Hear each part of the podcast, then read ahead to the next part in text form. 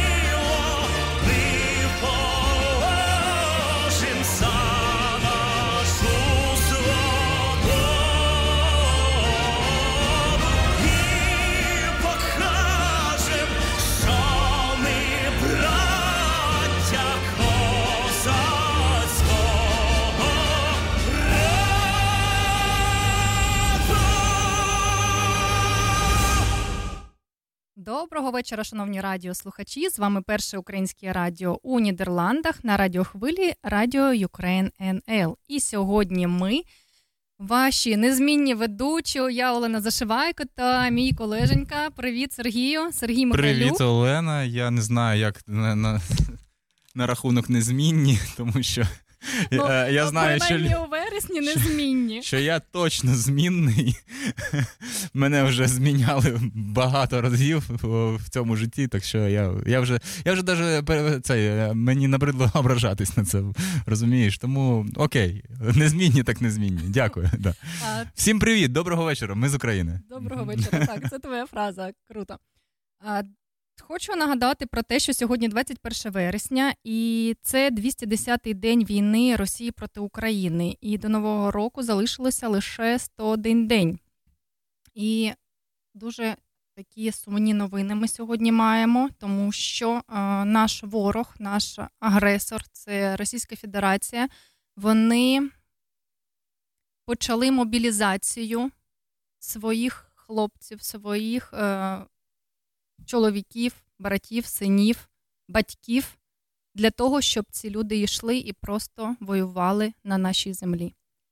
Ми розуміємо, що вони не хочуть цього робити, і зараз почалися великі мітинги і підписують петиції проти цього, але ж ми бачимо, що влада Росії вона не зупиняється і примусово відправляє цих людей на війну проти України. І саме те, що неприємне, ви знаєте, для саме для мене, от я сьогодні дивилася, готувалася до ефіру, і я бачу різницю нашого менталітету українського і російського, тому що коли почалася війна в Україні, наші політики встали і першими пішли захищати свою землю, такі як, наприклад, е, Кличко, це мер міста. Він просто сказав: Я йду, і за ним пішли люди тисячі мільйони. А що роблять політики в е, Росії? Вони просто кажуть, що вони не підпадають під мобілізацію, тому що за ними якісь там граждані чи ще щось. Ми просто розуміємо, наскільки відрізняється наша культура, наша позиція і наша духовність. Давайте все ж таки нагадаємо про те, що війна триває в Україні, вона не закінчилася. А ми сильні, незламні і йдемо вперед до перемоги. Цитую слова нашого президента про те, що ми ніколи не забудемо кожного і кожну, хто бореться за Україну, хто віддав за неї своє життя. І наша пам'ять це не все, що в нас є.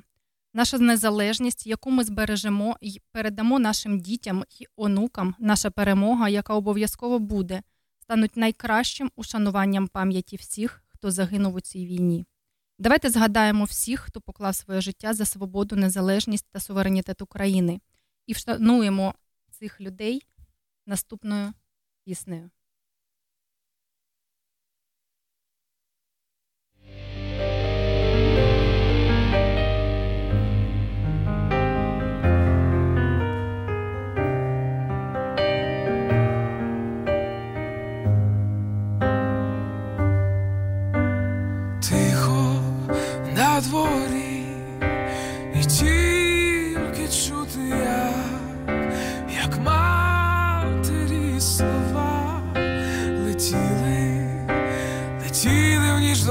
Ніж бачиш, сину мій, свічка не заса, до віку буде вже горіти, горітиме вона молодий юна,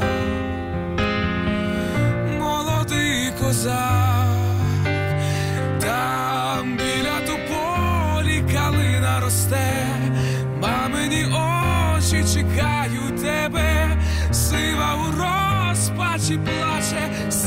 все чекає, та вмовче його душа мам. Я бою за волю пішов далечінь, за правду і долю нових поколінь, за тих, хто в морі далеко, і крилами лелеки повернеться живі, рік вже промайнув, прийшла нова весна, а спокою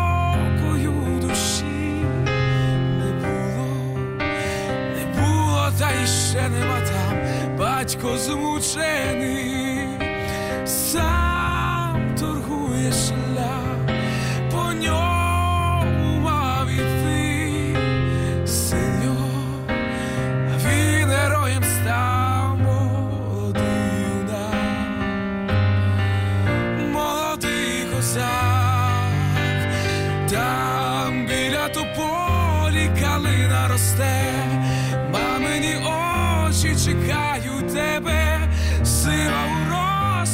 плаче, сина все чекає, та в його душа мам. Я бою за волю пішов далечінь, за правду і долю нових поколінь, за тих, хто в морі далеко, і крилами лелеки повернуться живі там, біля тополі калина росте,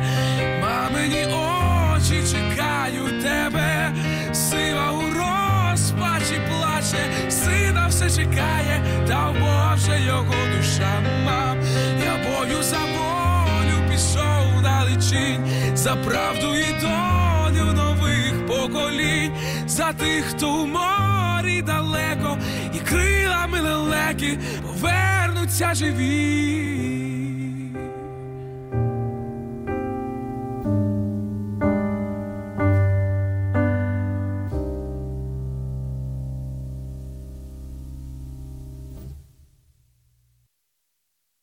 Ми в ефірі першого українського радіо у Нідерландах.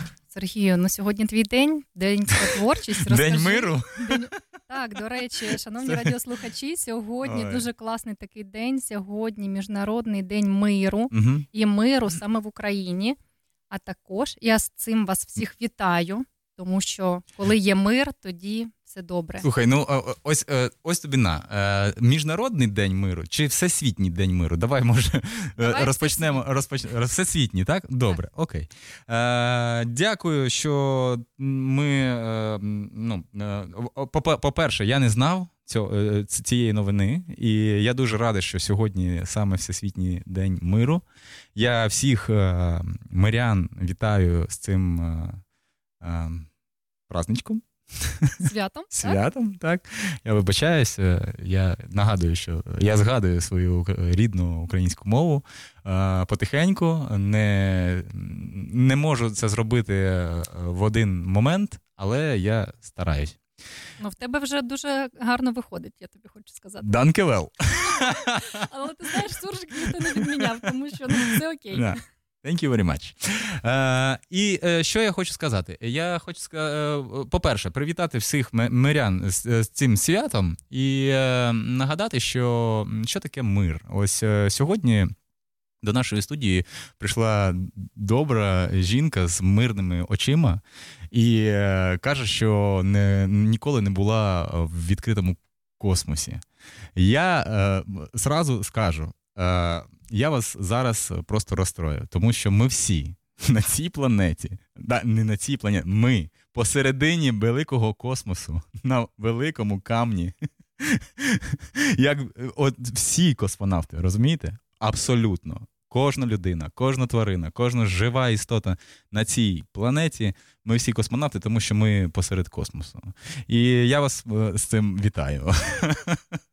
Ось. Е, а що казати про творчість? Е, тому що ну, моя тема це творчість. Ну, Напевно, я я досліджую цю тему, тому що мені дуже цікаво, як поєднати творчість і і гроші, як можна своєю творчістю заробляти е, гроші. От це мене питання дуже дуже, е, е, скажімо, мотивує спілкуватись з творчими людьми і з кожним спілкуванням, з кожним діалогом виявляти ключі до реалізації свого кохання. Яке проливається через творчість.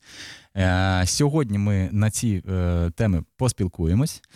А, Зараз я гадаю, що можна поставити якусь класну е, пісню, але перед цим я нагадаю, що, по-перше, ми йдемо до своєї мети, а саме мільйон слухачів.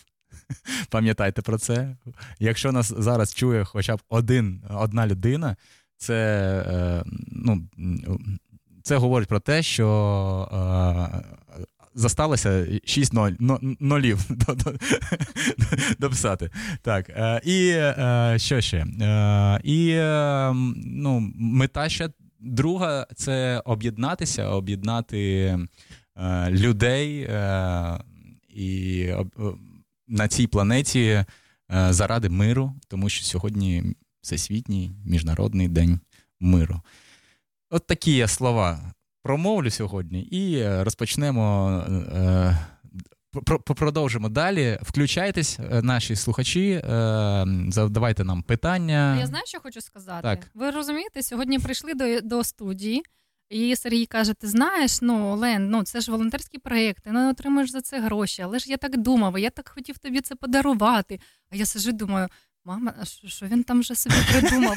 Думаю, боже, в мене там такі думки, думки, думки пішли. Думаю, що він там вже собі придумав. Каже, я довго дивився, прийшов, там були якісь великі, маленькі. Але я не знав. Ну, коли вже прийшов купляти, ну не було такого розміру, котрий я хотів взяти і купити. Бу, бу, було багато розмірів. А я ж думаю, мама, що він там собі придумав? Достає він, значить, мені подарунок. Це такий дуже чудовий конверт. Я його розкриваю, і там такий дуже тендітний, гарний а, блокнот на українській мові. Ну, запис, записничок.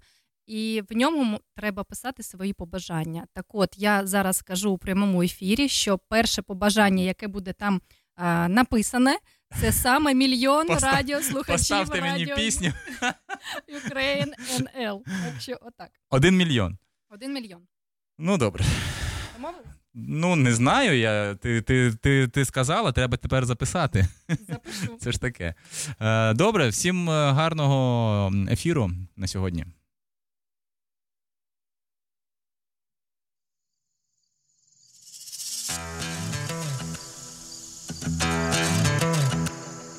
Сиди вдома, ти до неї не ходи і бійся грому, бійся темної води під шкірою прихована.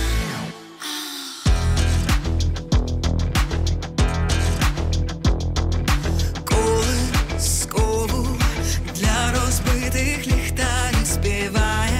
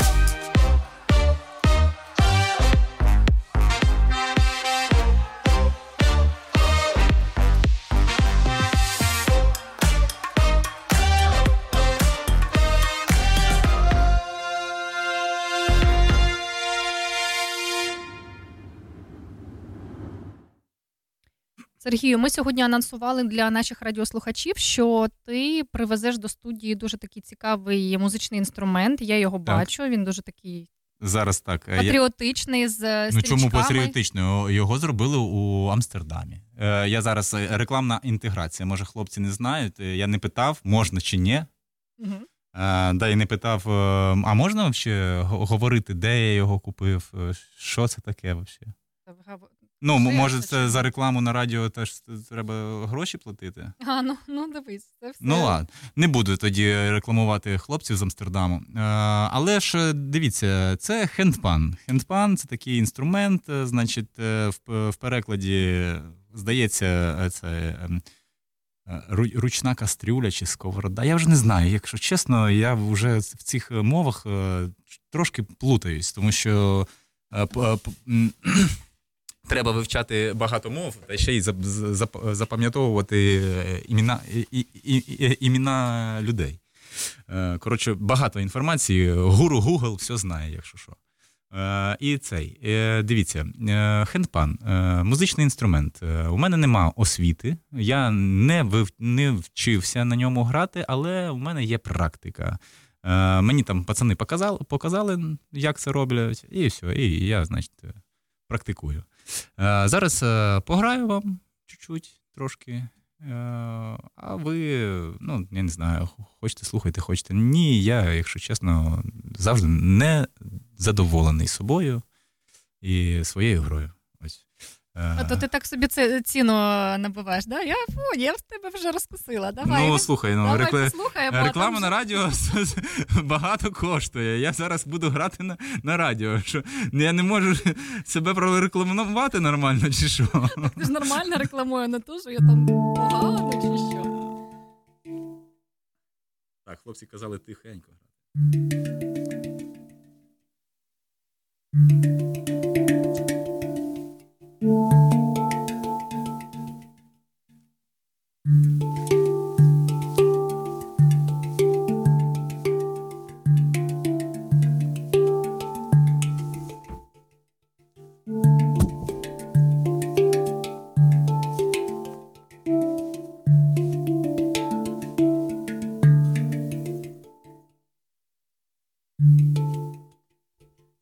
де твій телефон, щоб я мала можливість вийти у прямий ефір в інстаграмі, щоб наші е, слухачі також бачили це не тільки не тільки чули, а й бачили. Давай? В мене телефон у кишені.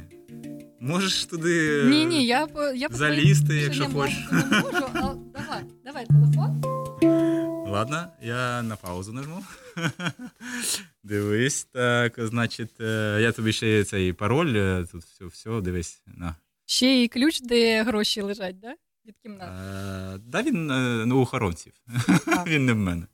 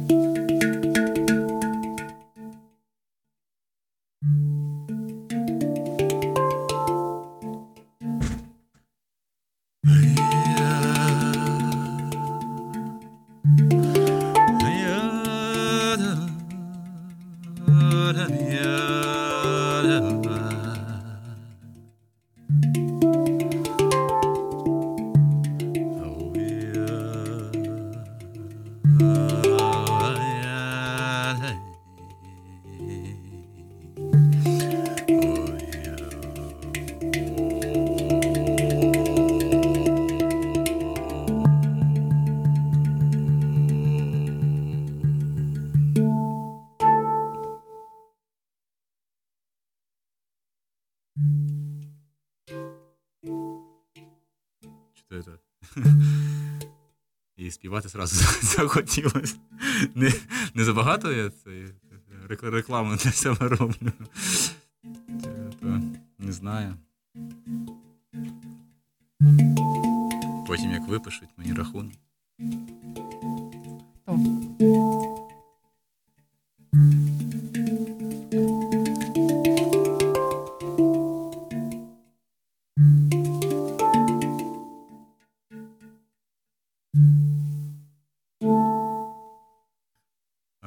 Дякую за увагу. Я е, гадаю, що на сьогодні достатньо, тому що ефірний час багато коштує. І я, я вибачаю, що так довго грав й співав.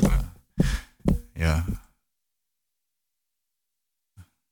Ну, мені дуже подобається, дуже класна музика, і ти знаєш, е, можна такі зловити такі цікаві думки. Це мій first time. Е, е, Я е, вперше слухаю себе в наушниках, і це інтересний опит, досвід. Я дякую за це. Так, крута штука. Я знаю хлопців, які професійно на цьому грають. І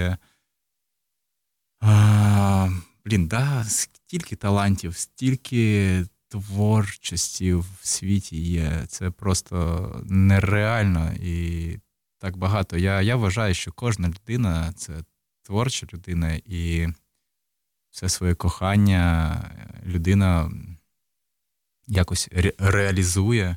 Хтось через музику, хтось через е, спів, хтось через е, шиття одягу, хтось через ще щось. Ну, багато всього. І це круто. Е, круто відчувати себе частиною творчості е, Бога, можна ще так сказати. Ну, хай це е, вибачають мене атеїсти. Але, але є, є атеїсти від Бога, я вам, я вам так скажу. Знаєш, ти знаєш, тебе дійсно ну, такі дуже філософські завжди. Так, так. Так, то мені пишуть е, на, з приводу фотографії на цей, на, на мій виступ. е, Скоро буде е, тут, якщо все буде Це добре. Круто. Мгм. Так, дійсно, ми бачимо, що у нас є і слухачі, і ті, хто дивиться у прямому ефірі. А ти знаєш, у нас на зв'язку зараз є наша гостя Інна. Вона психологиня з України і підніме дуже такі цікаві питання.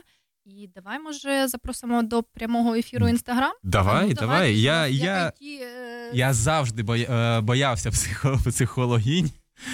ну, Психологів не боявся, а психологінь завжди ну, боявся. Катюша, ти ж не боїшся. Катюшу, ну не знаю, ти- е, е, боюсь, теж боюсь, тому що я, я знаю точно, що е, є таке е, вираження е, Сааді колись. Е, ну, я, я це чув в інтернеті, не знаю. Це він сказав, не він сказав, що е, любов'ю та добротою е, можна на волосині вести слона. Е, що ось якраз таки любов'ю і добротою можна дуже багато чого, там, так сказати, зробити. Але ще, ще є, є вислів е, ще точніше, що кохання. Так, ви там приєднуєте. е, Ти розберешся, чи мені це Ні, зробити? Я ж тебе прошу. Потривай мою, будь ласка, тарілочку. Так, не ганяй тільки. А то ми вже, вже в відкритому космосі. Так, а, зараз. А, Дивись, нам потрібно запросити в інстаграм нашу гостю Інну. Я зараз тобі скажу, як вона у нас підписана. Ми, А, ми там подружилися вже в інстаграмі. Так, я раджу, може, е, Інні е, зайти зараз до прямого ефіру. А, і запросити Так, доступ. і, да, і, та, і так, і там помагати нам лайк, якийсь там сказати, що, що вона тут. Тому Ну, що давай я бачу, що Ін, її доброго нема. вечора. Ти нас чуєш? Так, так, привіт. О, супер, привіт. Ми Добрий тебе вечір. чуємо. Добрий вечір. А зайди, Я будь ласка, чую. зайди, будь Я ласка, в інстаграм чую. і е, за, ну, постукайся до нашого прямого ефіру в інсті. Я все чула про любов. Ага. А, дивіться, Далі. Інна, Інна. У мене е, зараз, е, зараз ми приєднаємось. Е, Одну секунду. Я, я, я, я ну, розповім цю. Я, я ще знаю про любов одне е, вираження. І зараз, секундочку. Я на запит надіслала. Запит надіслано. От так. от. Є. Та-дам! Пім. Та-дам. Привіт. Зараз. Привіт. Зараз буде магія. І так, І так, і так, не так. Щас. О, Є. є, так? зараз секундочку. Круто. Так, привіт. Доброго вечора. Добрий вечір. О, Де ви знаходитесь? У вас вечір там? Е, Так, так, Київ, вечір. Київ. Е, Круто. Так. Дуже рада вас вітати. Добрий вечір. Добре, добре. Доброго вечір. мене бачите? Все? Да, ми Так. вас чуємо і бачимо дуже гарно, дуже добре, гарна, с- е, гарний зв'язок у нас. У нас сьогодні, Супер. у нас сьогодні Дай в Бог. студії також е, наша гостя. Е, Ця людина Тетяна. Е, е, Тетяна, і Тетяна також дуже зацікавилася радіо і хоче подивитися, як воно все у нас тут відбувається, і може у майбутньому спробує бути частиною нашої команди. От. Супер. Клас. Круто. Так що, е, давайте зараз занирнемо там по- по- поглибше на тему любові по- поспілкуємось. Dивіться, я колись сприйняв цю інформацію близько до серця і повірив в це. Я е, почув в інтернеті, що кохання, кохання це саме точне, е, е, точна зброя, яка існує в світі, тому що кохання попадає прямо в серце. Це от таке, таке висловлення, яке, в яке я вірю. А ще я вірю в те, що е, наша е, не тільки планета, а всесвіт, він весь е, з любові е, зроблений. І що окрім кохання тут нема нічого зовсім. Е, Що ви можете відповісти мені на, на ці два, так сказати, е, на, на, на, на ці дві мої е, особисті думки, які я десь почув, і думаю, що тепер що це мої думки, але це не ну, це я десь почув. Ну, давайте конкретніше. На що відповідати? Чи існує кохання, чи воно рулить світом? Ну, саме? не знаю, ні. Е, Не, не було питання, існує кохання чи не існує. Е, Дивіться, питання таке. Е, Вважаєте, е, ви вважаєте, що окрім кохання щось тут є ще в, у, у всесвіті? Чи е, тільки кохання і більше нічого нема? Це перше питання. І друге питання: е, вважаєте е, ви, що кохання це саме, т- е, саме точне? е, саме точна зброя у, у світі, тому що воно попадає прямо в серце. Угу. Зрозуміла. Е, Добре. Я така дуже прискіплива людина. Ви дозволите я ще одне уточню запитання: кохання чи любов? Ну, кохання для мене це МЖ, так? Чоловік, жінка.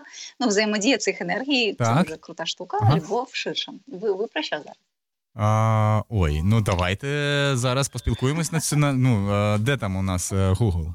Що таке, що таке любов, що таке кохання? Я просто, я, я, якщо чесно, у мене нема освіти. Мене вигнали з третього курсу, е, виганяли зі школи. Коротше, я ну, цей е, хуліган. Прекрасно. Я думаю, що Так, хулігани Двоєш, двоєшник, двоєшник. Ось. Я не знаю, що таке кохання, що таке любов. Ну давайте ну, ну почнемо е, розглядати, що таке кохання, що таке любов. Ми Розкажіть мені. відійшли від нашої теми, але це Розкажіть дуже мені як психолог, тому що так, да, я вже починаю нервувати, тому що я завжди ну, в- всю, все своє життя знаю, що я не ідеальний. І ця думка мене просто. Дихайте, дихайте. Я я стараюсь дихати. Все буде добре, так, да. точно. Так. Ну, якщо коротко відповідати на ваше запитання, давайте я скажу свою термінологію і дам коротку відповідь дуже, тому що так, наша тема була трошки про інше. А, Я нещодавно, до речі, це пояснювала про тонкощі в українській мові, принаймні. Те, що кохання це МЖ історія, да, ось хлопчик, дівчинка. Ну або я маю на увазі жіноча енергія, чоловіча енергія, навіть якщо це одностатеві пари, да, не будемо виключати, адже ми зараз в Європі. Це та ж сама історія. Хтось е, там представляє чоловічу жіночу енергію. Це взаємодія дуже сильна. І мені здається, на ній дійсно багато все тримається. Любов ширше поняття, оскільки кохання там все-таки є сексуальна складова. Ну, якщо все правильно йде по плану, правильно? Любов це е, те ж саме відчуття, той же самий набір гормонів. Тобто, коли ти когось любиш або люблять тебе, ти найкращий для цих людей в свої найгірші дні. Да? Тобто це любов. Кохання все те ж саме, тільки додається сексуальна ось ця компонента. Е, Так. Чи є щось в цьому світі, крім кохання? Ну тоді крім Ой, любові. Тоді вже крім любові. Все ну крім кохання, є є любов. Ми вже це дізнались. Дякую, да. дякувати вам. Ну, е, знаєте так. Е, крім любові, є відсутність любові. Ну це ж логічно, правильно? Що таке світло? Це відсутність темряви, або що таке темрява? Відсутність світла. Ну, мабуть, якось так. Це ж дуже глибоке питання, правильно? Можемо дуже довго на нього говорити. Е, любов, зброя в серцях найсильніша зброя. Да, але ми про це обов'язково поговоримо. Мені дуже подобається вираз, знаєте, любов в дисципліні чи дисципліна в любові, щось в такому плані, але я поясню це трошки пізніше. Добре, дякую. Дякую за відповіді. І... Дякую вам. І сьогодні в нас тема. У нас тема дуже цікава сьогодні, тому що Інна запропонувала підняти таке питання, як стан жертви, і що робити, щоб е, зі, зі стану жертви перейти до переможця. І взагалі зрозуміти, що ти зараз е, у ці, у цьому стані да, жертви? Ну так, так. Ми ми про це говорили, і коли я вчора готувалася, я вирішила піти глибше, тому що я подумала, що може бути корисно нашим слухачам, які за кордоном знаходяться. Е, і я запропонувала розглянути в принципі фактори, що заважає рухатись вперед у 95% випадків. Як ми говорили в анонсі, це чотири сценарії, які я для себе побачила. Е, мій кожен виступ я стараюсь перетворити на міні-лекцію, тобто це не просто це коротше буде система з рекомендаціями рекомендаціями, що можна робити, якщо ви е, розпізнаєте себе в одній з точок, да, в одному із сценаріїв. Відповідно, далі буде список дій, але їх потрібно буде робити в цьому загвоздочка. Ну так, знати це блін. одне, а робити це зовсім інше. Опя... А, знову, знову. Ну, ти бачиш, Знаєте, це йде до того, що психологів часто звинувачують в тому, що ми шарлатани, да? тому що ми собаки там даємо тільки інформацію. а якби нічого ж не міняється, якщо людина не починає робити, тому да, да, ловушка.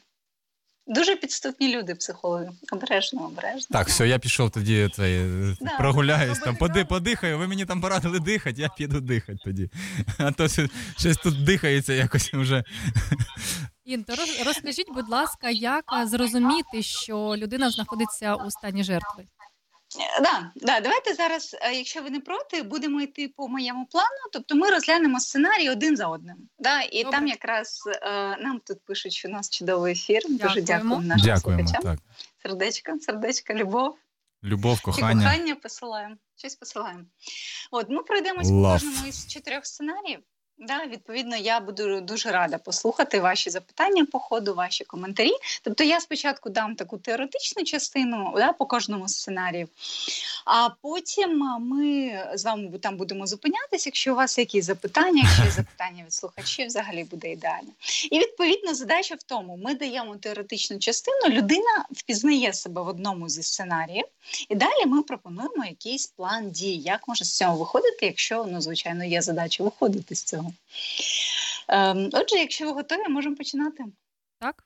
Ми ми готові? Я, В мене ще одне ми питання. Готові. Ну, ну, ну, Це потім, давайте так. Хорошо. Отже, сцена, отже, ще раз повторюсь, ми відповідаємо на запитання, що заважає рухатись вперед да, людям у 95% випадків. Перший сценарій це відсутність плану. Правильно? Тобто, коли ви не знаєте, що робити, і з такими запитами часто мені пишуть в особисті повідомлення, знаєте, умовно, ми можемо використовувати нестандартну лексику, ненормативну? Ми використовували, не знаю, як вам можна чи не можна. Це, це треба вас спитати у когось другого. Ну, умовно, ладно, будемо пом'якшувати.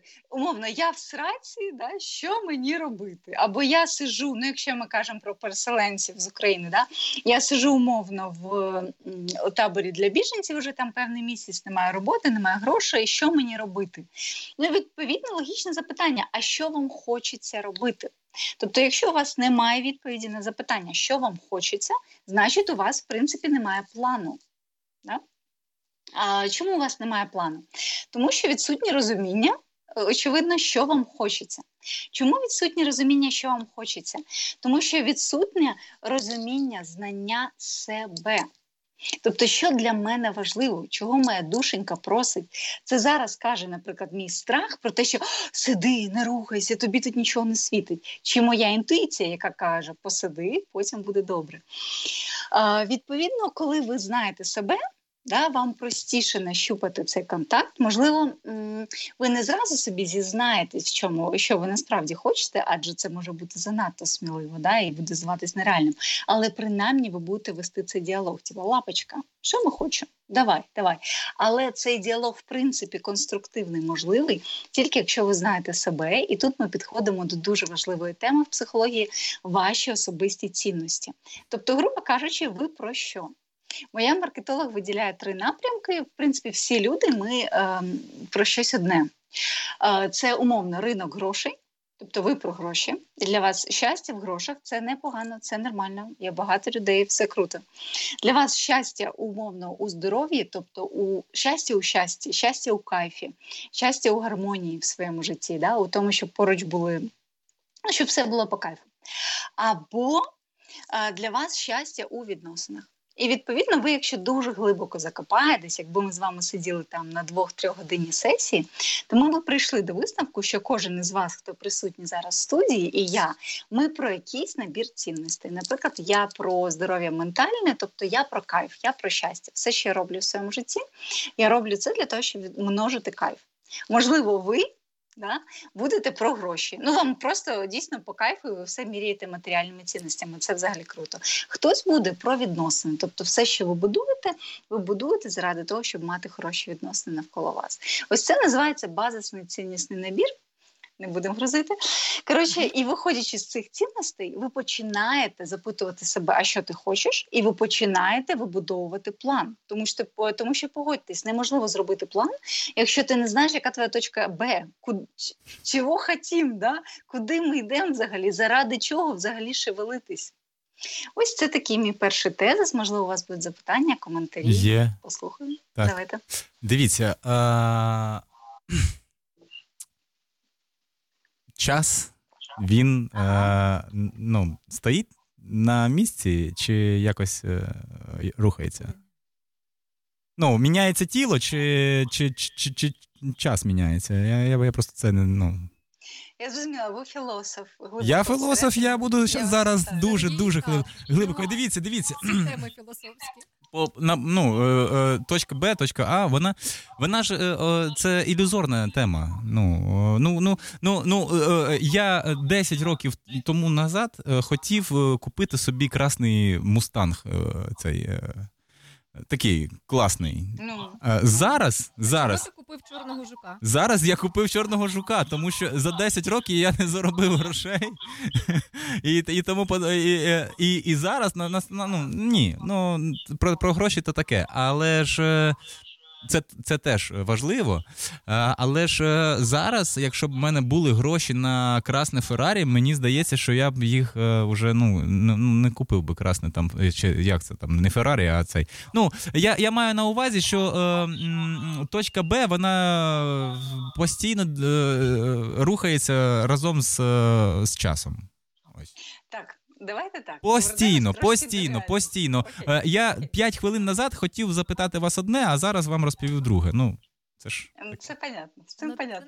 мені здається, що це трішечки про інше. Тому що Да. от, е, коли, ми Ні-ні, ну ми ж- розмовляли, коли ми розмовляли з Катериною, це також психологиня, яка з нами виходить по е, п'ятницях по рубрики, то вона також казала, що треба е, розуміти, е, куди ти рухаєшся, і е, не сидіти як у равлику, так як равлик, так у своєму будиночку, а потім вийти на вулицю і просто поранитися по, е, по ту вулицю, тому що ти не зробив там документи, ти не зробив там якісь ще такі кроки, щоб тобі було в майбутньому легше жити.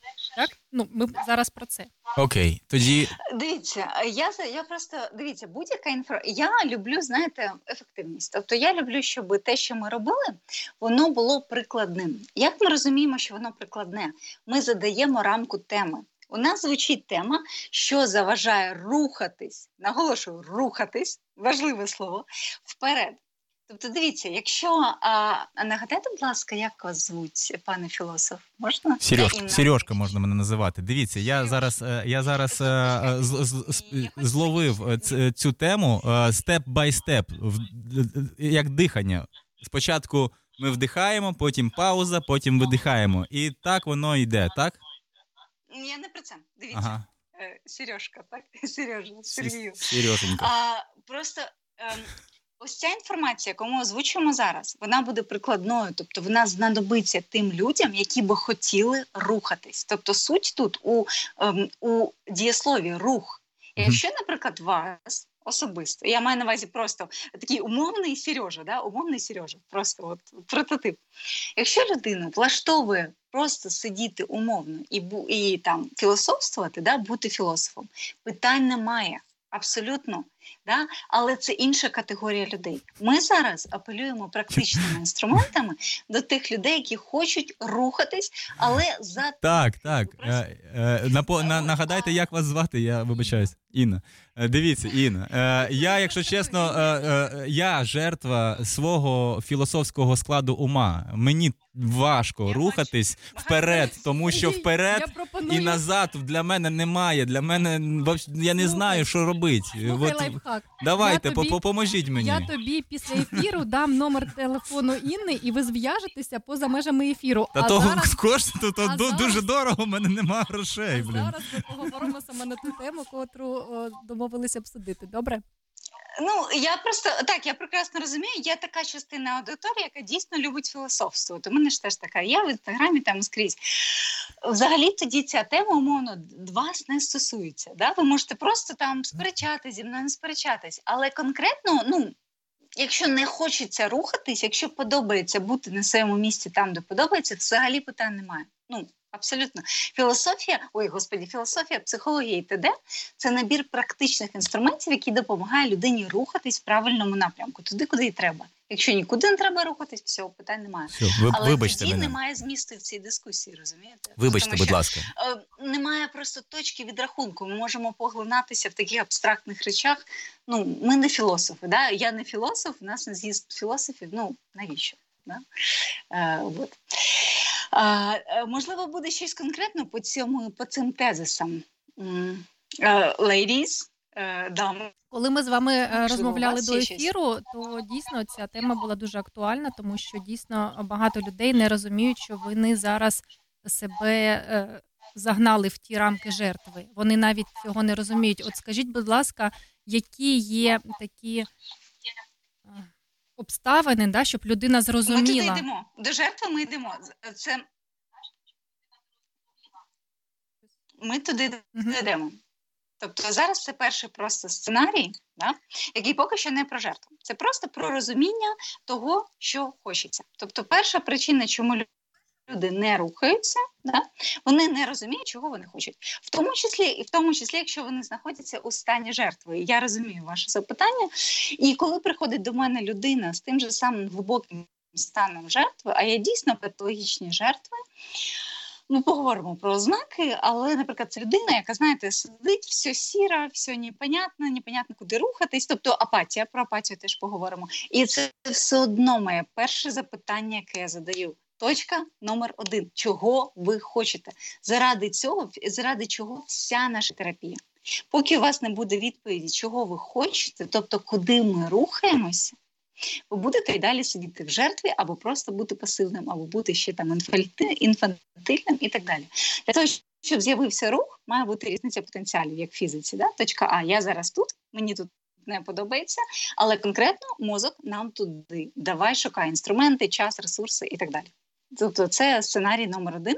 По ньому понятно чи не дуже? Понятно, якщо я хочу померти і е, боюсь е, кинутись під поїзд, тому що боюсь е, бути самовбивцею, що що робить? Е, Можна прийняти яд. Ви бачите, як тільки з'явилася точка Б, конкретна ціль, зразу з'являються сценарії, що робити. Так, Кидатись чи не кидатися? Ну, Говоріть мені, воно швидко.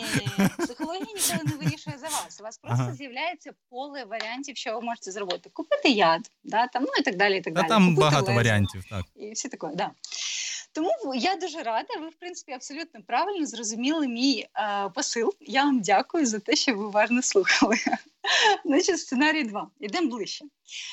Коли це теж близько до жертви. Тобто, перший, в принципі, перший тип ознак жертви, коли людина просто сидить, да, там розмазує соплі на, на потолку, і в неї навіть немає плану, навіть немає розуміння, що робити.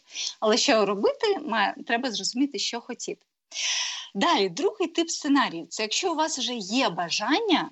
Тобто ви знаєте, що ви хочете. Наприклад, отримати роботу. Да? От ви приїхали у Нідерланди, ви вже сидите в певному місті, і ви все-таки зрозуміли, ну я б хотів би там дохід там певний. Да? І для цього мені що потрібна робота. Але у вас є бажання, але тут трапляється так звана прокрастинація. Це вже трошки ближче, трошки ближче до сценарію переможця, адже жертва вона максимально пасивна, ясно, переможець максимально активний. Це два полюси. Але між ними ж дуже є багато перехідних кроків. І от ми з вами з допомогою цих сценаріїв рухаємося все ближче ближче до сценаріїв переможця. Отже, коли у вас є бажання, тут вже трошки більше енергії, да? але немає плану. І от із-за цього дуже багато людей просто сидять і прокрастинують. Тому що у них не, немає чіткого розуміння, що мені зробити завтра для того, щоб там через півроку прийти туди, куди я хочу. Тобто я хочу, але нічого але для цього не роблю. Да? Або роблю да. все, але тільки не те, що потрібно. Да. Ну, прокрастинація. Прокрастинація mm-hmm. наш наш лучший друг. Да? Mm-hmm. Е, відповідно, що яка тут симптоматика? Чому це відбувається? Тому що е, дві, два варіанти або людина не вміє працювати із, умовно кажучи, сміттям в голові. Да? Тобто, знаєте, цю приказку, що драм-кружок, е, кружок по фото, і що мені Петя хота, да? тобто включається маленька дитинка. І зразу з'являється, що нібито я хочу все, або я те, що я хочу, занадто багато. Да? Це занадто круто. А я зараз такий малюсенький, і тому я нічого не роблю, тому що ну, це занадто. Да? Або включ бажання у стратегії і у план. Тобто тут нам на, знадобляться коучингові інструменти, які називаються сортування і декомпозиція. Що це значить? Ви спіймали своє відчуття, наприклад, ви вже попрацювали з терапевтом, ви знаєте, що ви хочете, а тепер вам потрібно із абстракції, з цього облачка, да, перетворити це на план. Що значить перетворити на план? Це виписати сроки і цифри, тобто додати конкретику. Давайте, можливо, спробуємо розібрати щось, якийсь кейс, як це зробити. Чи в принципі понятно? Запросто, давайте розберемо. Давайте розберемось. Давайте. Е, Дівчата, можливо, хтось із вас скаже якісь своє бажання. Ну, можна не саме велике, таке середнє, е, яке ви хочете, але ви поки що не дуже якби щось для нього робите. Що що хочуть жінки? Давай. Ану, ану. Ну, у нас є таке бажання, щоб у нас на радіо було був мільйон під, е, слухачів. Окей, ми, про супер. це, ми про це кажемо. Дуже дякую. Е, Скажіть, будь ласка, і тут що ви зараз для цього вже робите? Ми виходимо в ефір е, щопонеділка, середи і п'ятниці. Тепер ми запустили інстаграм відео. Ми зробили декілька рубрик, е, піднімаємо питання, ті, які. На нашу думку будуть цікаві для наших радіослухачів, і вони допоможуть нашим радіослухачам стати більш щасливішими, а може продуктивнішими. А, отак. А, а може просто нашими слухачами. Так, а може просто нашими слухачами. А скажіть, будь ласка, чи ви працювали з маркетологами з цього приводу? Чи ви моє запитання? Чи ви по-справжньому знаєте свою аудиторію? Ви з нею спілкуєтеся? Чи ви даєте той матеріал, який ви вважаєте за потрібне? Тара-тара-там. А це ха, дуже добре запитання. Ну, насамперед, е, я вам е, скажу, що ми, як, як говорила Олена, не професіонали. Професіонали. Ну я розумію, але ви ж розумієте, мільйон це Так. велика амбіційна цифра. Да? Ну і що? Е, ну і що? Це значить, що для цього вам потрібно діяти як професіонали, але це нормально, що це шлях. Ви не ви не будете професіоналом з першого дня. Але ось ці інструменти, про які я зараз говорю, да, це вже більш професійні інструменти. Е, Тобто, якщо би ви дійсно там серйозно да, відноситесь до своєї цілі, то як мінімум мільйон потрібно, по-перше, декомпозувати. Тобто, у вас зараз скільки? Ми не рахували. Ми не рахували, ну але ж ну, О, є різні, різні телеграм-канали. Попередній телеграм-канал в- у нас до 600. Давайте зараз порахуємо. Давайте порахуємо. О, я бачу, чот- е, я бачу чотири, чотири зараз. е, Ні, о, троє зверху, чотири, один знизу. чотири. Це, це, це на інстаграмі. От нам, е, до речі, ми отримали фідбек, що хтось приведе плюс два е, слухача. Ну, дякуємо. Приведе прям? Так, так. А куди? Де, де зустрічаємось? Слухачів приведу. 100%. Приведу. Ну, а як, як це можна зробити? Поділитися нашим лінком? Взяв, е, взяв за руку да привів. Що дуже цікаво слухати це Е, разом. Ось. Дивіться, дивіться, що ми робимо. От, от то, то, то е, як я це відчуваю, я не знаю, відчуває це- ще хтось, але я відчуваю так, що головне е, це наш е, мій маркетинг, це інформувати. Так? Інформу... стоп, е, е, казати, казати вголос, що мільйон слухачів це наша точка Б. Ну, це На сьогоднішній день, а, на сьогоднішній день, бо, бо амбіційна, амбіційна це мільйон, коли буде мільйон, там, там і 256 мільярдів, ви знаєте, так? Е, Ну, дивіться, зараз, чесно кажучи, відчувається, що ви поки що е, не професійно до цього підійшли. ну, ми, ну, нормально, попе- що я це говорю, ви не ображаєте? ми, по- ми, ми, ми самі говоримо, що ми не професіонали, ми, ми О. не професіонали. Ну, я маю на увазі весь контекст. Але дивіться, правда, якщо ви б правда були б моїми клієнтами, да? тому що я ж працюю як психолог і як коуч. Тобто психологія це про терапію, а коучинг це про дії, да? що ти зробив, щоб отримати. Понятно. І дивіться, якби ви справді стали моїми клієнтами, по-перше, ми б з вами виміряли точку А. Да? Тобто ми пішли б по, по шляху професіоналізації того, що ви робите. Якщо це вам правда цікаво, як амбітний проект, а не просто для себе. Да? Ми виміряли точку А, тобто аудиторія, яка є зараз. Умовно, я можу так сказати, що це, мабуть, до тисячі людей. І відповідно, Дякуємо. дивіться, розрив. Між е, я сьогодні теж друзям говорила і ем, так, так, так говорила коротше, і прекрасним людям. е, От про те, щоб доєднувались до нас, але це ну це не вважається ще професійною роботою. Правильно? Відповідно, нам потрібно було у нас точка умовно там 800 людей, тисячу людей нашої аудиторії, які десь там, можливо, колись щось чули.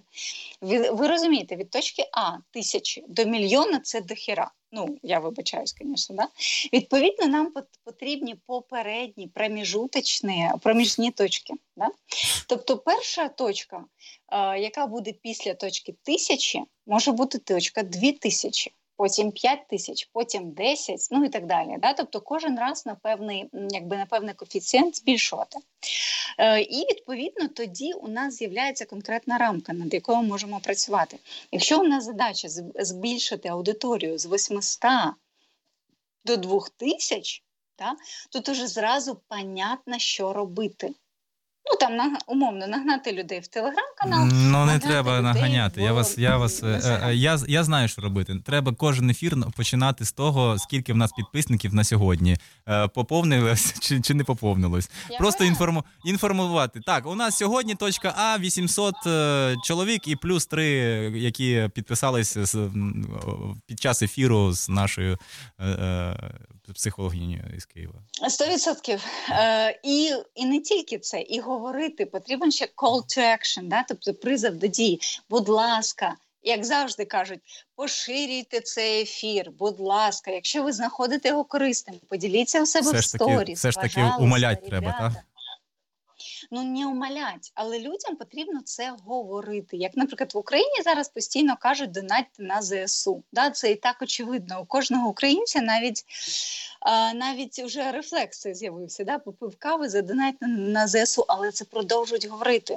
Ну тому що люди такі, що не люблять думати. Їм треба дати готовий сценарій. Раз, два. Значить, послухав мене, зашерив в інстаграм сторіс. Да?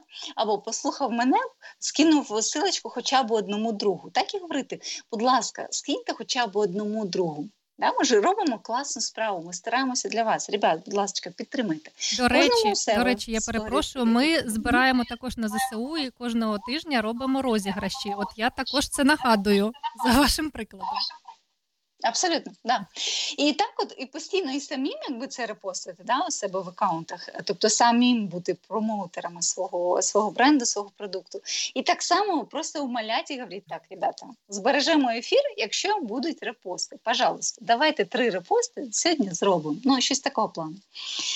І ось так от і далі, далі що можна робити? Розвивати, ну це я говорю просто з голови зараз, да, ми нічого не аналізувати. Але розвивати інстаграм для цього ми наймаємо ну точно. Як підприємці з восьмирічним досвідом, я розумію, що якщо дилетант веде дилетанта, виходить єрунда. Да? Відповідно, хоча б наймати, хоча б на якихось благодійних основах, наприклад, таргетолога або маркетолога, людина, яка вміє правильно оформити сторінку. Знімати ті ж самі Reels, да, це безкоштовна реклама, безкоштовний таргет, цілити саме в цільову аудиторію, тому що ви не знаєте, хто ваша цільова аудиторія зараз. І відповідно, якщо набереться там чим більше людей в інстаграмі, навіть тисяча підписників, тим більше людей будуть приходити на трансляції. Ну і ну і так далі, і так далі, і так далі. Це хто нам тобто, хто нам треба? У нас є Маркетолог?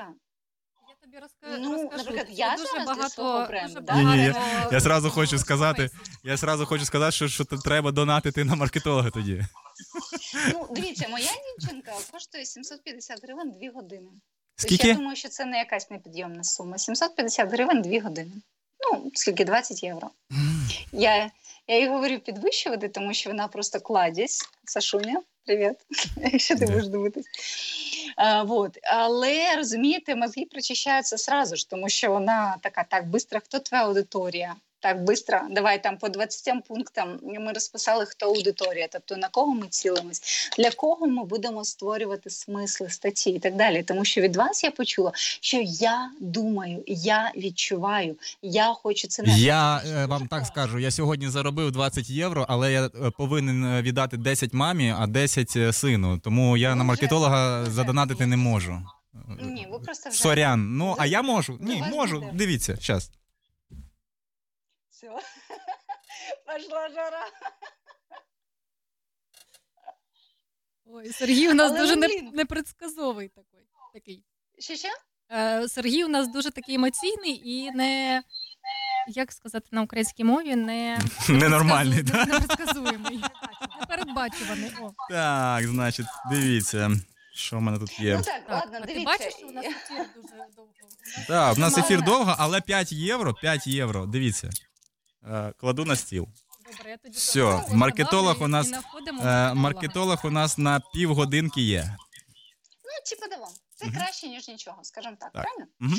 І так далі, і так далі. Тобто брати консультантів шантажом і так далі, заставляти їх говорити вам толкові речі, вказувати вам на ваші помилки і будувати стратегію. Шантажом. адекватно не тому, що у вас в голові, а адекватно потребам ринку. Можливо, вам не потрібно обмежувати тільки Нідерландами. Яка різниця? Ми в інтернеті, та хоч на весь світ е, правильно віщаєте. Ну, я маю на увазі для, для українців, для тих, хто розуміє українську мову, і, і все таке. Тобто, ви розумієте, да? ми зачепилися за таку тему, як конкретика. І все, і зразу понеслось. Зразу вже ідеї, зразу вже у нас 5 євро, виявляється, є на маркетолога. Тобто зразу є якась твердість, а не просто там да, розмазування там. В общем, Але ж я ще хочу на, е, сказати, що треба і чути те, що тобі кажуть. Ну, але для того, щоб почути, потрібно ж запитати. Якщо у вас Це, немає кстати, маркетолога, кого кстати, не я зараз 5 євро положив, а мій син 4 рочки йому. Ось Ви е, 2,50 положив, і мама, і мама теж положила вас вже 2,50. Скинулись на маркетолога. Це не я, це, це їх гроші. Ось. У вас риторика жертва. Ось такі люди. Я, а я жертва, я сам, сам, самогубець, я вже е, ко- ко- ко- ко- котрий рік е, мрію померти взагалі. Понятно. Ага. Так що, тянемо? Давайте робити. Я своїм клієнтам наступний у нас срок, е, наступний пункт плану. Да? Як тільки ви зрозуміли, що ви хочете, наприклад, мільйон аудиторій або померти, будь-які цілі ми поважаємо, правильно? Далі потрібно зробити щось для цієї цілі в найближчі 72 години. От, наприклад, ви зрозуміли, там ага, мабуть, реально треба робити репости, да? або треба друзів попросити робити репости. І зразу ж закінчився наш ефір протягом там трьох діб, але бажано 15 хвилин. Ви пишете своїм п'ятьом друзям, пожалуйста, зроби сьогодні репост ефіру, пожалуйста, пожалуйста, пожалуйста. Тобто перші дії мають бути зроблені протягом трьох діб. Е- Після того, як ідея до вас прийшла. А це Ну, наша ідея, так? Протягом 15 Це, це наша да, ідея? Е, якщо ви хочете померти, так само, не словом, а ділом. Ну, придумайте, зробіть декомпозицію, як саме ви хочете померти, і зробіть уже для цього перший крок. Чому Як саме я хочу померти? Ні, ну ну, це ви, ви до Бога давайте це питання, Ні. да? Я, я, я тут Ну, ви зрозуміли, я думаю, суть понятна. я можу померти по-різному, продовжимо. так? Ні, ви кажете, я хочу померти. Значить, у вас є в голові сценарій. Ну, коротше, ви зрозуміли, да? Тобто, потім. Та ні, я не зрозумів, не зрозумів, ні, не зрозумів. Давай після ефіру ми залишимося. Да, давайте після ефіру. Значить, як тільки ми зрозуміли конкретику, ми зразу собі прямо виміча... намічаємо в блокнотику там написати Маші чи написати п'ятьом друзям, щоб вони репостнули ефір. Запросити ще 10 людей до нас в телеграм-канал. Там да, подумати, як його розкрутити, може рекламу дати в якихось пабліках. Ну і т.д. Тебе є 72 години. Вот. І, е, щось треба зробити протягом трьох діб, це максимум, бажано 15 хвилин, і потім якийсь наступний набір дій, тобто дія за дією протягом двох-чотирьох тижнів. У вас має бути сітка, що ви зробите протягом двох-чотирьох тижнів. І відповідно потім ви робите і порівнюєте, да, що змінилося. Якщо щось змінюється, це значить, що ви дієте в прямо в правильному напрямку. Якщо не змінюється, значить, можливо, дійсно треба чи порадитись з кимось, чи перефлексувати, поаналізувати більше. Але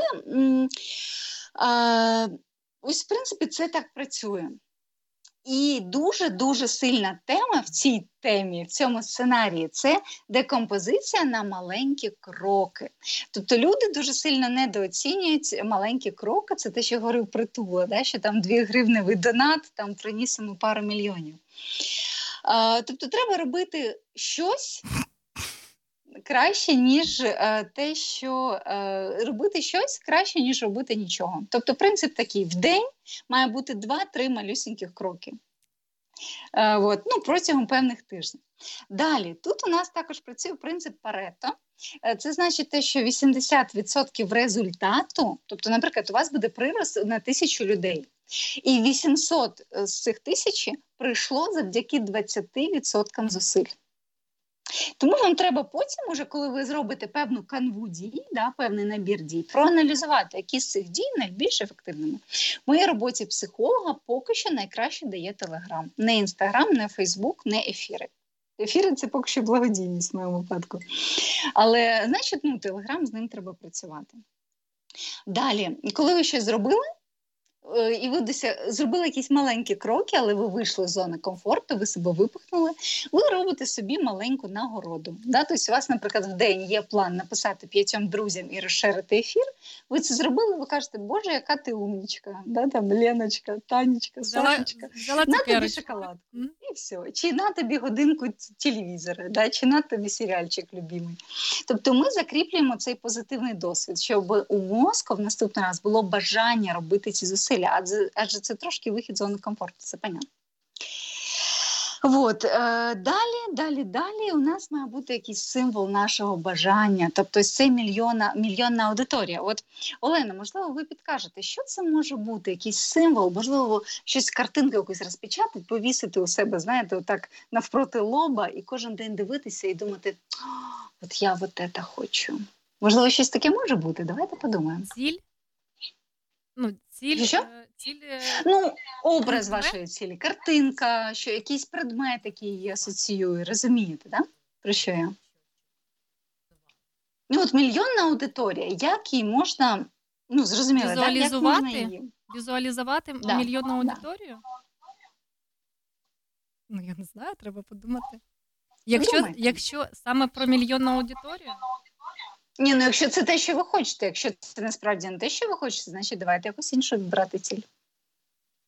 Окей, в мене є ціль, яку можна візуалізувати. Це дуже затишне містечко, якийсь там будинок, мої рідні всі поруч, і ми сидимо за е, одним столом і вечеряємо. А як це зв'язано з мільйонною аудиторією?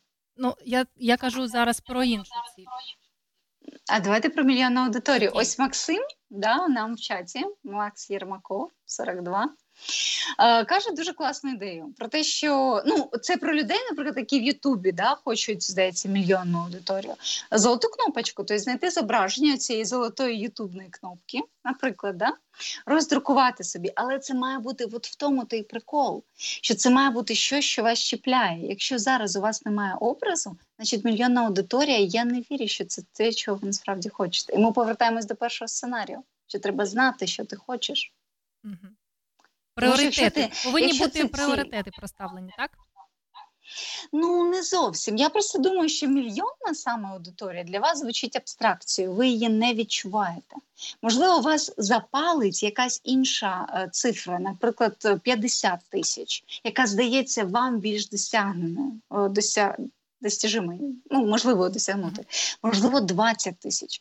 Можливо, вас цікавить насправді не розмір аудиторії, а ті відчуття, які ви будете відчувати під час ефіру, що це живо, там люди цікавляться і так далі. Окей, От, це живий чат. Ну, живий чат. Окей, от як можна візуалізувати собі живий чат?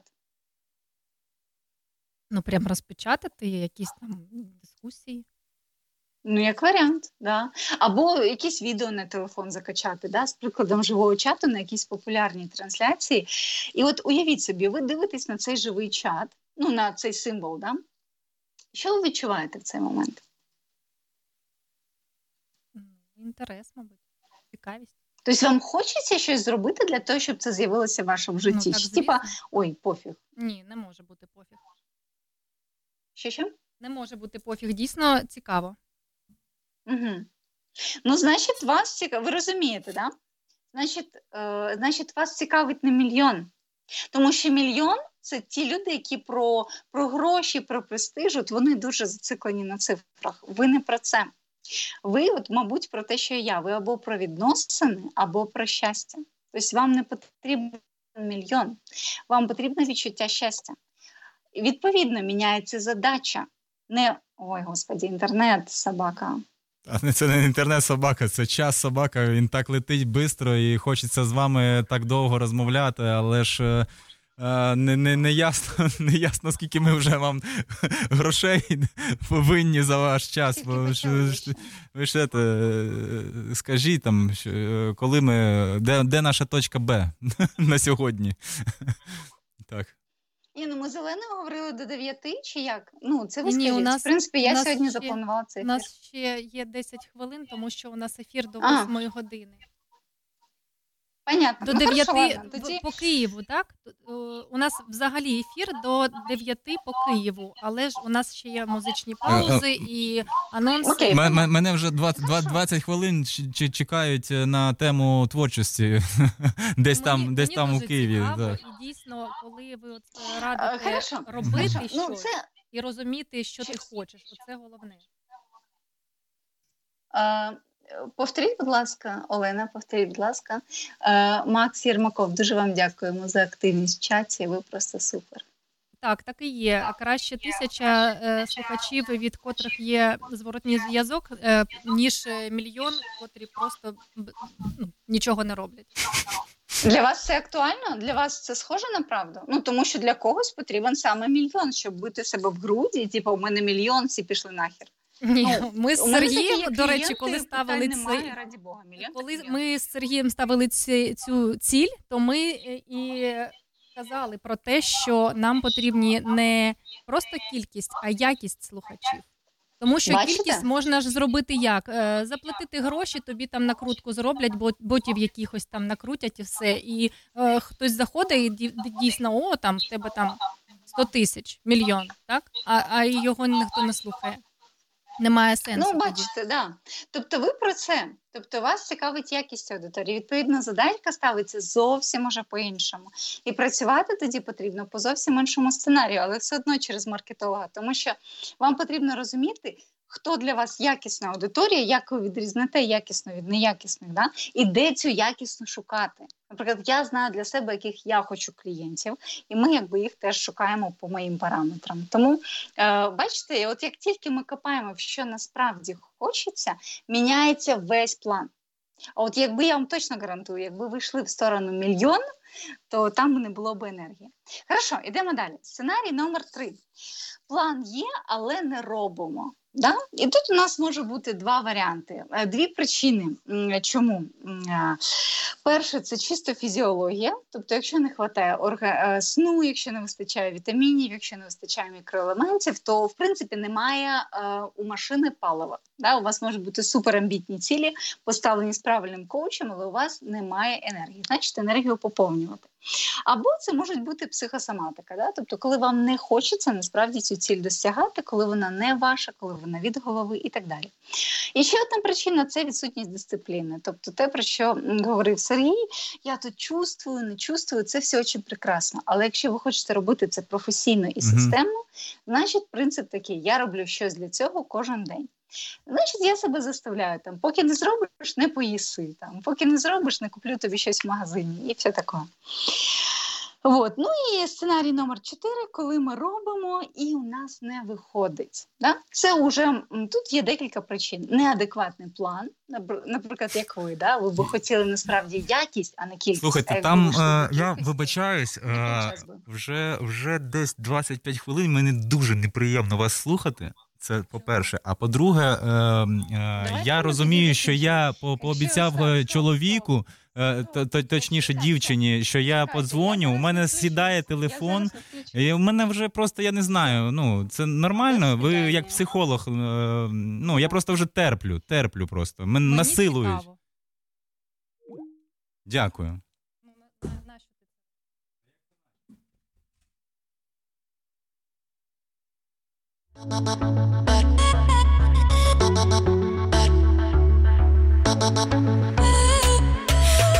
не варто цього казати, далеко надто зайшли з тобою ми. Ти хочеш грати, та не сховати, то в твоїх чертах належить лиш мені.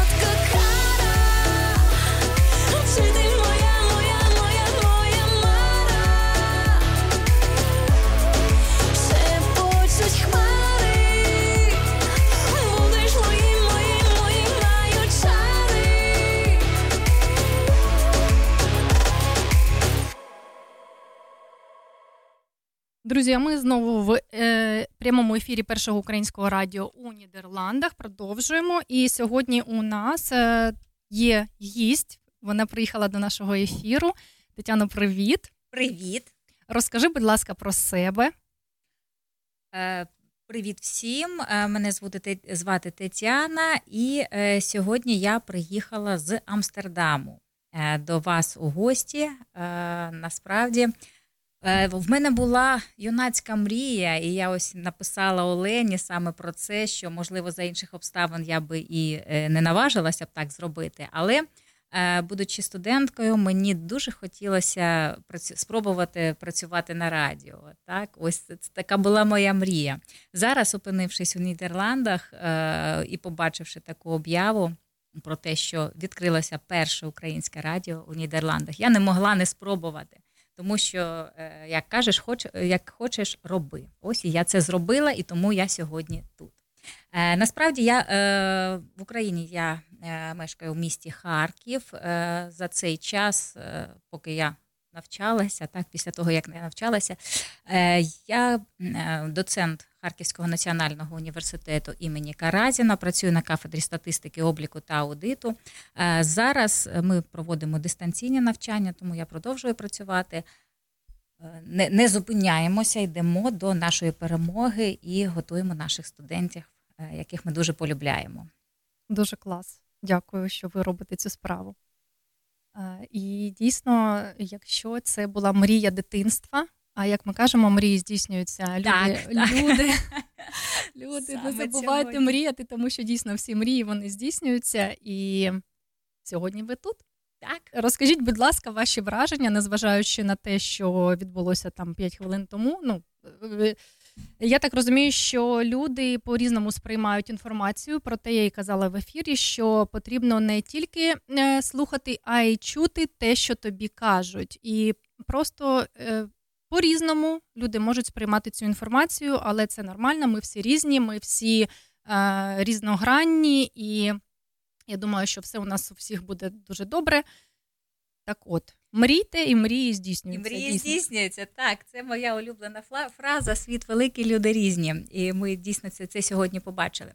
А, враження в мене дуже, дуже, дуже гарні, дуже приємні потрапити до е, справжньої студії.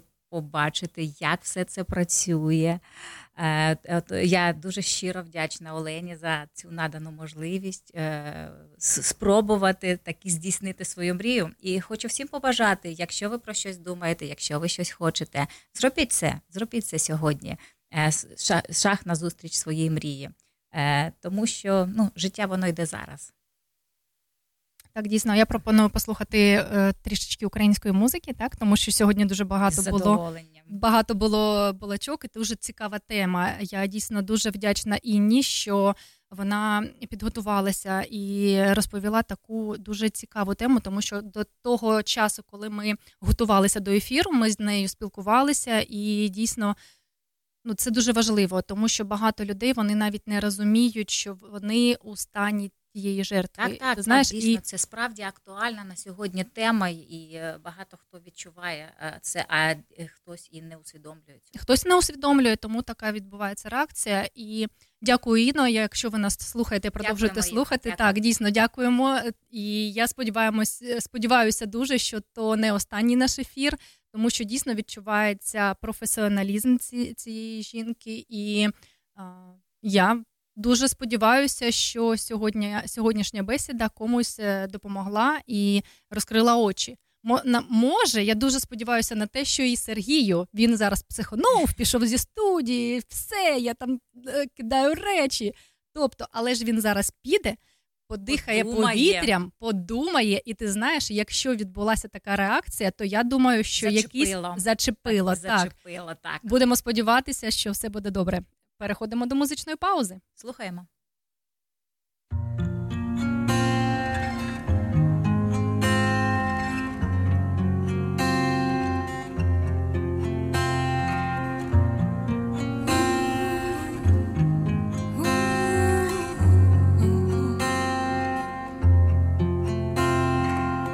Чому мені сниться, як знову і знову гуляєм з тобою рідному Львову, там пахне весною і сонце сідає на березі річки, якої немає.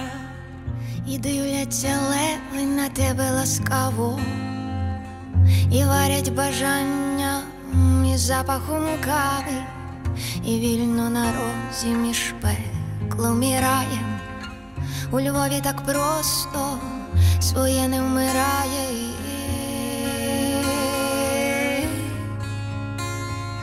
Дихає місто весни моє.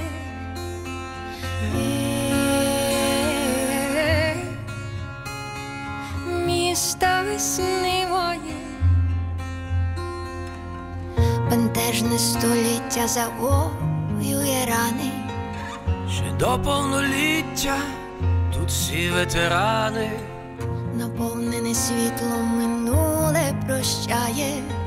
Чомусь тут ніколи не хочеться чаю, не хочеться снігу, не хочеться слави. Нехай дістається церквам з горгулами. Ми просто з тобою вдвох погуляємо на березі річки, якої немає.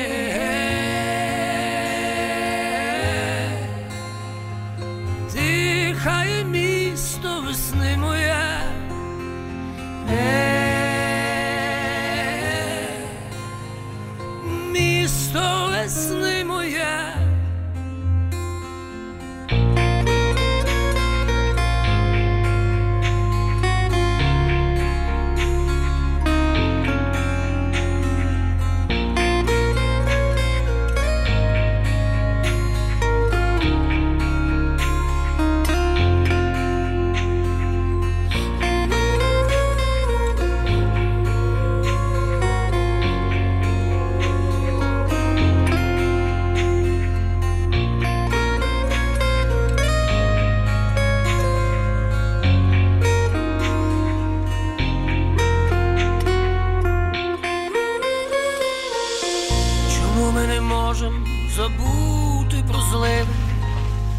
Мабуть, для героїв ми надто вразливі, стіни і леви нам не дозволяють розвіяти попіл, якому ніяк не згасають. Ті сни, у яких я і знову, і знову гуляю з тобою по рідному Львову. Там пахне весною і сонце сідає на березі річки, якої давно вже немає. Дихає місто весни моє. Є.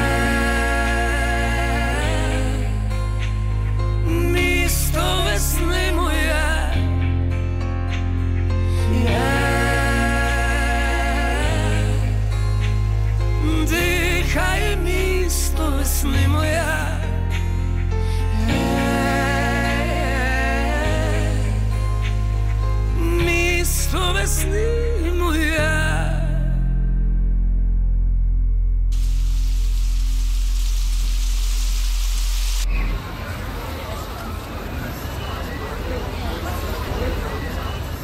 І ми знову в ефірі першого українського радіо у Нідерландах. Продовжуємо. Тетяночка, розкажи, будь ласка, що саме відбувається під час зустрічей е, з українцями, е, які ну, що, що, що робиться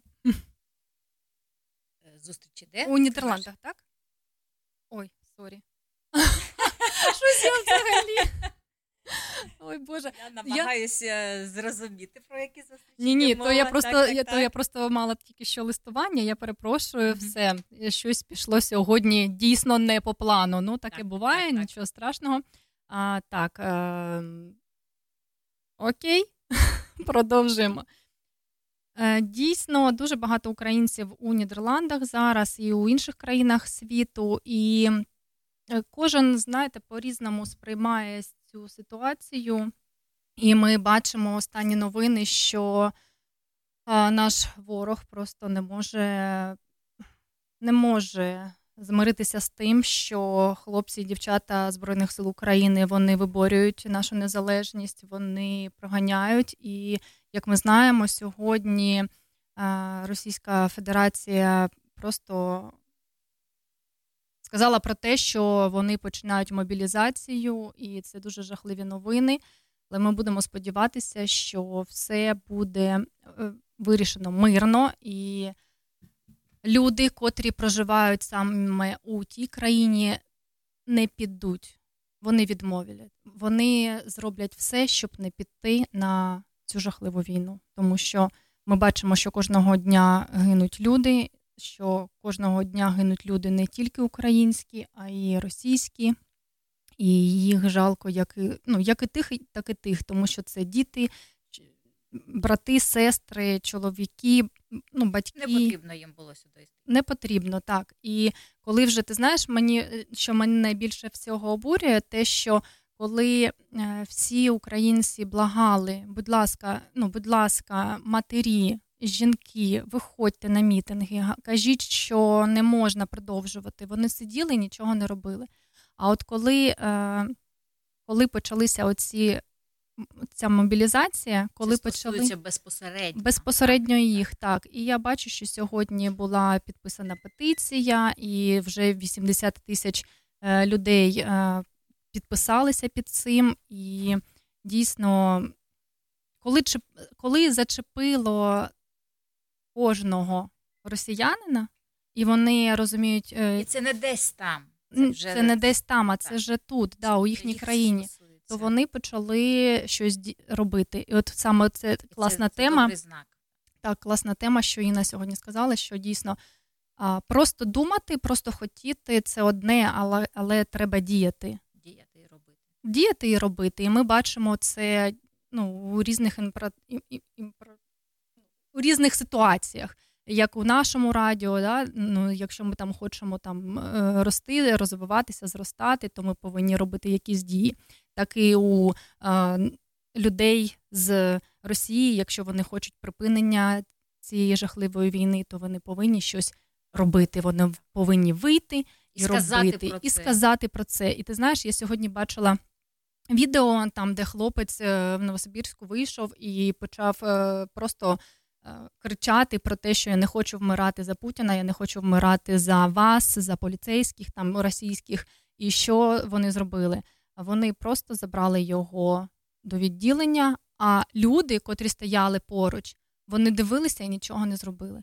Я знаєш, що мені ну так от було дуже було приємно дивитися не на те, що коїться в тій країні, а про те, що я бачила, що коїться в Україні, коли а, виходили студенти, так, і і вони мали відповідь е, від наших правоохоронців у 2014 році. То що зробили українці? Вони вийшли всі на Майдан. Тобто, у нас сильна нація, незалежна, нескорена.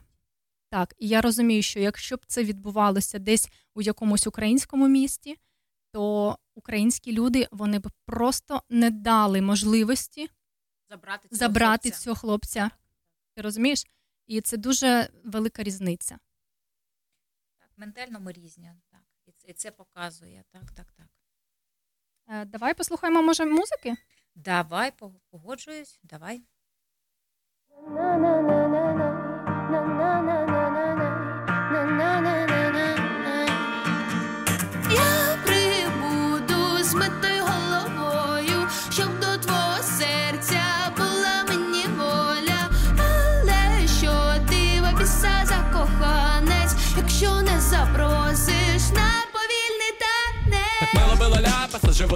виглядаючи крилами в мене цілував. І падала ціна на опалення, напевно, через те, що я тепло від тебе всіма получав. А мама каже, наче тобі це все йде далі? Кажу, ма, люблю розглядати я її деталі на причалі Поки підтишепче нам слова, буду вірити, що ми сидимо на балі. Хай вітрумете, все ще було не те, всі били не те, я без тебе, хай кругом цвіте все остальне, хай. Наша ідилія все зашута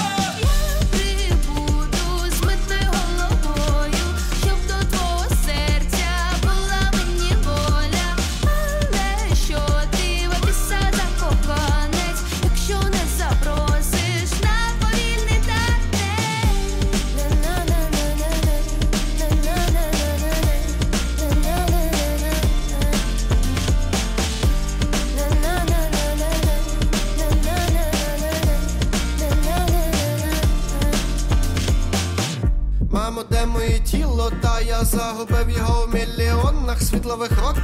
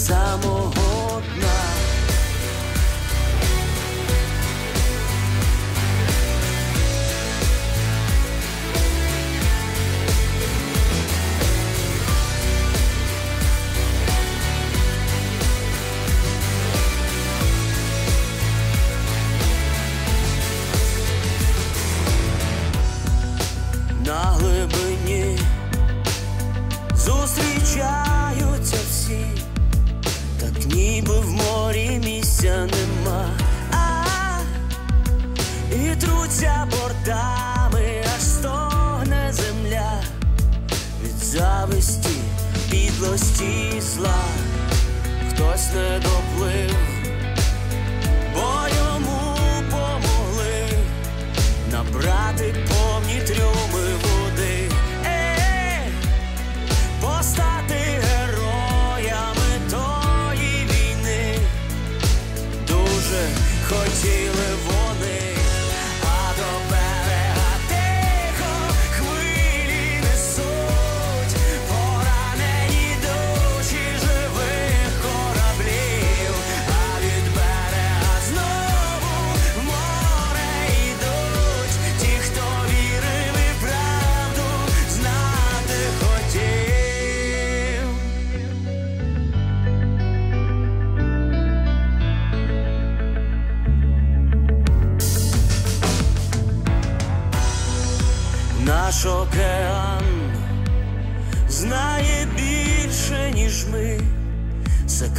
секрети всі у нього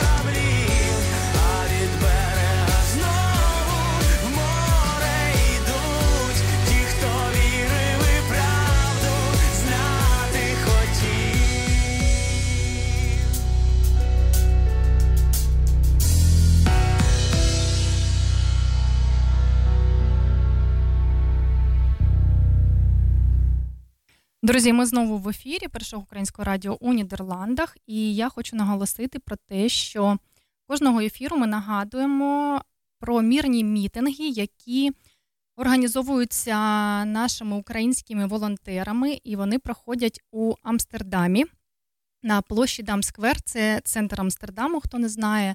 Там збираються українська спільнота, підтримує нашу країну, наших співвітчизників. Ми, ми підіймаємо завжди питання, які е, актуальні саме на цей час. І от наступний мир, мірний мітинг буде 25 вересня о 14 годині дня. Е, Ми дуже запрошуємо всіх. Приходьте, долучайтеся, тому що це дуже важливо. І покажіть, що вам не байдуже не байдуже, що відбувається, і на і будемо нагадувати світові, що війна не скінчилася і вона триває. 25 вересня в Амстердамі на площі Дамсквер о 14 годині дня. До речі, я хочу поділитися з вами своїм досвідом. Сьогодні ця Катерина приїздила до нашої студії зранку, і вона була з нідерландською дівчиною. Вони брали в мене інтерв'ю, е, як у тої особи, як у тої українки, котра проживає у приймальній сім'ї. Я ділилася своїм досвідом, і то, то була дійсно така класна бесіда. Вони навіть не очікували, що я зможу ну, розказати так, таку історію.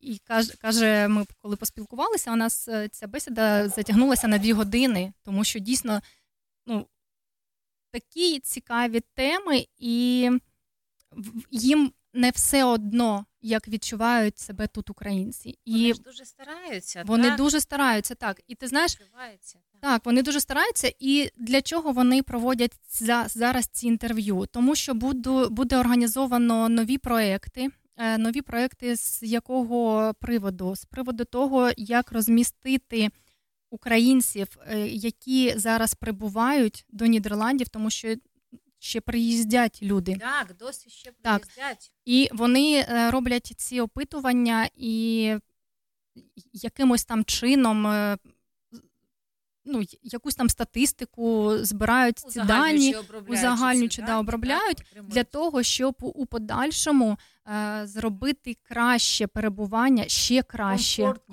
комфортніше так. І от я сьогодні розповідала про те, що коли ми приїхали першого дня, то я побачила просто букет з тюльпанами, і мені взагалі було байдуже, що там вони розповідали. Коли я побачила ті квіти, котрі були куплені саме для нашої родини, я зрозуміла, що це дійсно ну, добрі люди. І ти знаєш, коли ми е, ну, підійшли вже до ліжка, там, де ми будемо спати, там стояв такий слон зі слоненятком, м'якенький. І воно так підготовлено, так класно, мило. так, так мило. Я про це сказала, і я дивлюсь, ця жінка вона записала собі у нотатки. Я кажу: ви розумієте, це такі маленькі речі, Дрібнички дрібнички. Так, так, кажу, мені там ну взагалі було все одно на які там умови.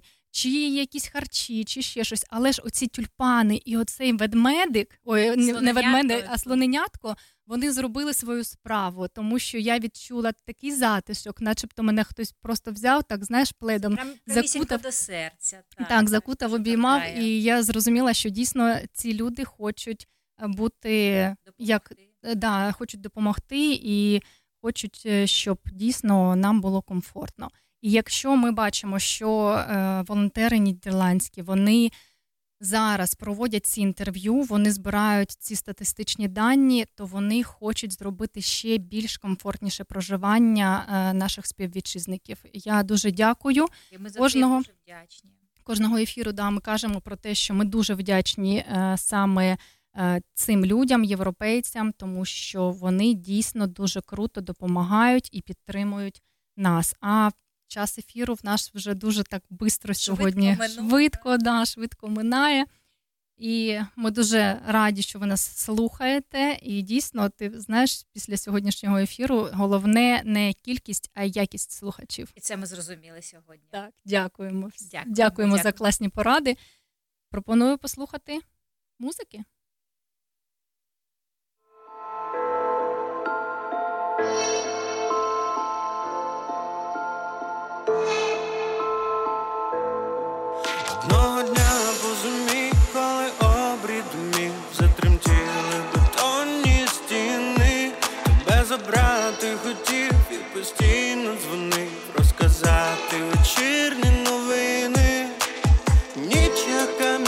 місячна,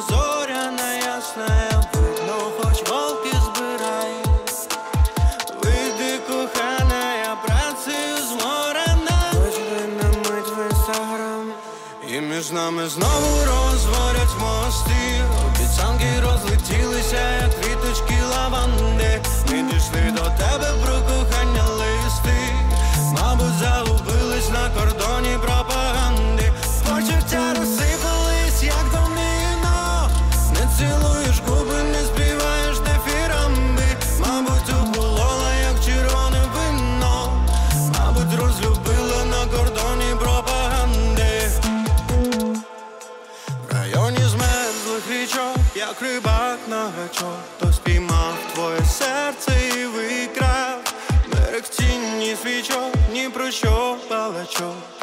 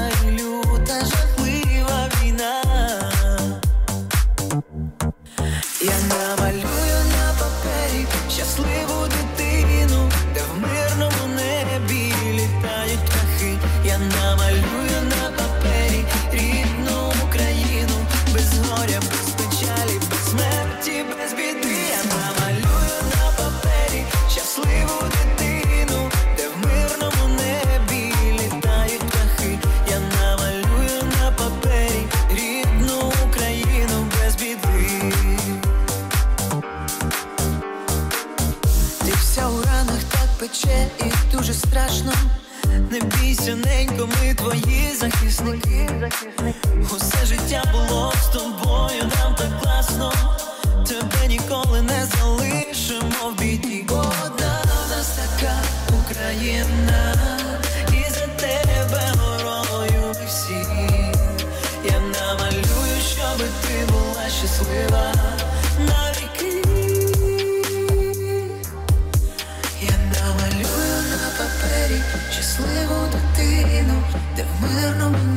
перелетают их, я намалюю на папе и одну